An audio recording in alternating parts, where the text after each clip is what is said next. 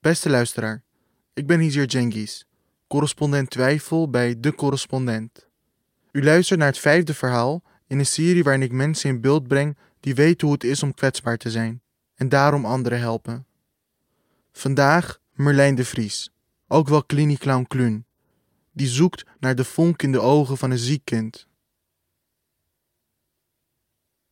Een klinieclown? Zo'n grappenmaker die bij een ziek kind de boel op zijn kop komt zetten, wie heeft daar nou behoefte aan? dacht Merlijn de Vries altijd. Als musicalacteur, zanger en danser kende hij de kracht van spel en verbeelding. Maar clown aan je ziekbed? Wie zit daar nou op te wachten? En toen bleek zijn zoontje van vijf een ernstige medische afwijking te hebben. Het is inmiddels drie jaar geleden.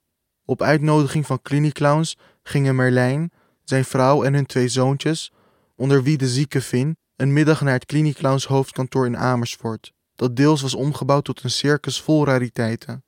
Clowns Pep en Peer verwelkomden het gezin en begeleidden hen naar een speciaal ingericht hoekje. Er was een gek winkeltje, een gekke klok, er schoof een stuk muur opzij, daarachter was een keuken waar pannenkoeken rondvlogen en elk laadje dat je opentrok maakte een gek geluid. Een harde scheet, het gemekker van een geit bijvoorbeeld, vertelt Merlijn. Merlijn, die op grote podia stond en regelmatig beloond werd met staande ovaties, had enig de Maar hij deed het voor Finn, die de afleiding kon gebruiken. Finn moest even wennen, zegt Merlijn. Meestal is hij erg gebekt, met Brani, zegt Merlijn. Maar na een tijdje, toen een van de clowns vroeg hoe Merlijn heette, riep Finn: Meneer Poepje. Peer en Pep speelden een spelletje mee. Gingen mee met Finns fantasie, zegt Merlijn. En erkende Finn daardoor in al zijn facetten. Wat er gebeurde? Finn was even in het hier en nu. Ik zag hem alles in zich opnemen. Peer en Pep zoomden in op het individu. In het theater heb je duidelijk afspraken over tekst, noten, choreografie, waar je op welk moment staat. En daar dien je aan te houden. Maar dat alles werd door de clowns ondergeschikt gemaakt aan het kind en het gezin, zegt Merlijn. Hij vervolgt: Dat je mensen kan vervoeren met theater, dat wist ik al lang. Maar dat het ook kon met improvisatie, door spotlights op de ander, het kind, het gezin te richten, dat verraste me. De verwondering moet op zijn gezicht te lezen zijn geweest. Tegelijkertijd gaf het me als vader zo'n weldaad, zegt Marlijn. En weer krijgt hij kippenvel als hij aan die dag in Amersfoort terugdenkt. Dit is het, dacht hij toen. Dit is de essentie van theater. Toch wel. Hij gunde de ervaring met klinieclowns meer zieke kindjes en gezinnen en besloot zelf clown te worden. Eigenlijk, zegt Merlijn nu, kwam de openbaring op een heel logisch moment. Hij werd al minder vaak gevraagd voor audities, door zijn leeftijd, denkt hij.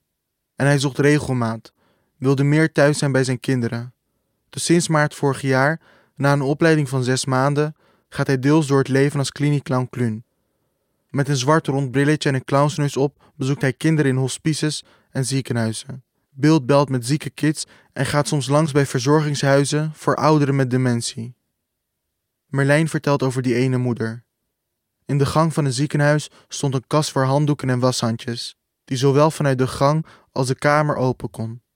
Kluun trok vanuit de gang de deur open en zag door de kast een moeder zitten op een bed, haar telg van twee maanden in haar armen, haar rug naar hem toe. Hij keek de kamer in, speelde zachtjes een paar klanken met zijn oekelille, zong wat. Ik denk dat hoe jong een kind ook is, het een spel van een klinieclown meekrijgt. Maar de meningen zijn daarover verdeeld. In ieder geval kan je niet uitwissen wat de moeder meekrijgt, zegt Merlijn. Die twee minuutjes draaide de moeder zich niet om. Maar terwijl ik de kamer vulde met muziek, zag ik haar schouders drie centimeter zak van ontspanning. Even was er niet morgen of gisteren, maar alleen dat moment dat ze in de kamer zat, gevuld met muziek, haar kind in haar armen. Merlijn herkende het van zijn bezoek aan de klinieclowns. Dat gevoel, die zucht, die die schouders. Het hield de wonden niet, maar het pleistertje doet veel. En niet alleen voor het zieke kind, maar ook voor hen om het kind heen. Dat soort ervaringen overstijgen dat gevoel dat hij vaak had op het podium. Hij zegt: Het gaat nu niet meer om mijn ego en prestaties. Waar ik op het toneel mezelf op de borst sloeg, omdat ik weer met een Joop van den Ende productie in een uitverkocht carré stond, gaat het nu om een ander. Onlangs was Kluun weer in een hospice voor kinderen. Hij had zijn plumootje bij zich, dat uitgeschoven net een beestje is. Een meisje met een gat in haar hals om goed te kunnen ademen en vergroeingen in haar gezicht en armen schoof uit haarzelf het plumootje uit en wreef ermee over het kale hoofd van Kluun. Ik schrok een beetje, want ze had ernstige handicaps. Maar terwijl ze over mijn kale hoofd wreef, keek ze met zoveel plezier naar blauwe oogjes naar me. Dan valt letterlijk de handicap van haar af.